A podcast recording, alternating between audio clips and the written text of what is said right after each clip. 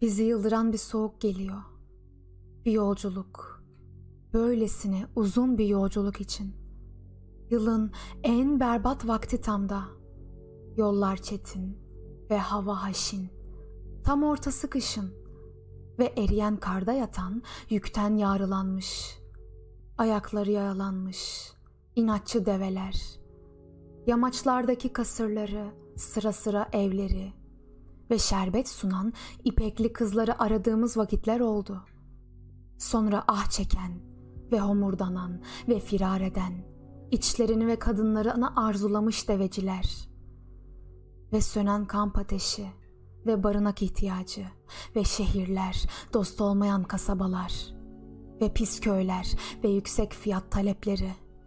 Bizi yıldıran zor bir vakit. Sonunda bölük pörçük uyuyarak bütün gece yolculuk yapmayı yeğledik. Kulaklarımızda şakıyan, bütün bunların çılgınlık olduğunu söyleyen seslerle. Sonra ıslak, karattının altında bitki kokan, ılıman bir vadiye indik bir şafak vakti. Akan bir dere ve karanlığı dönen bir su değirmeni.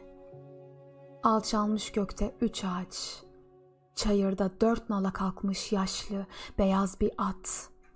Sonra asma yaprakları kapı boyundurluğunu aşan bir hana vardık.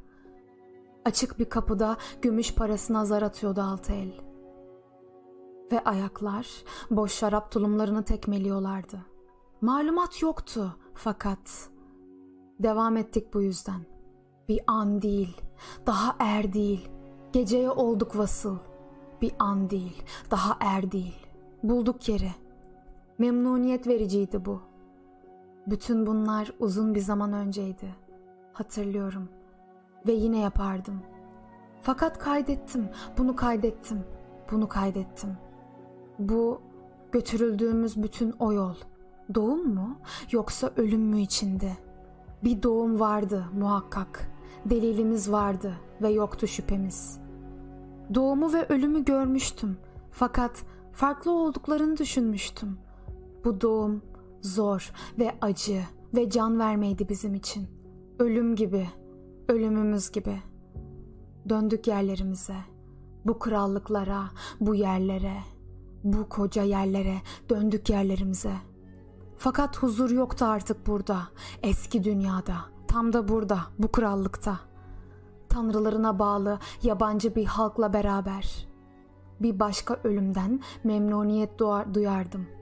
Bir doğum değil, bir doğum değil. Bir doğum vardı muhakkak.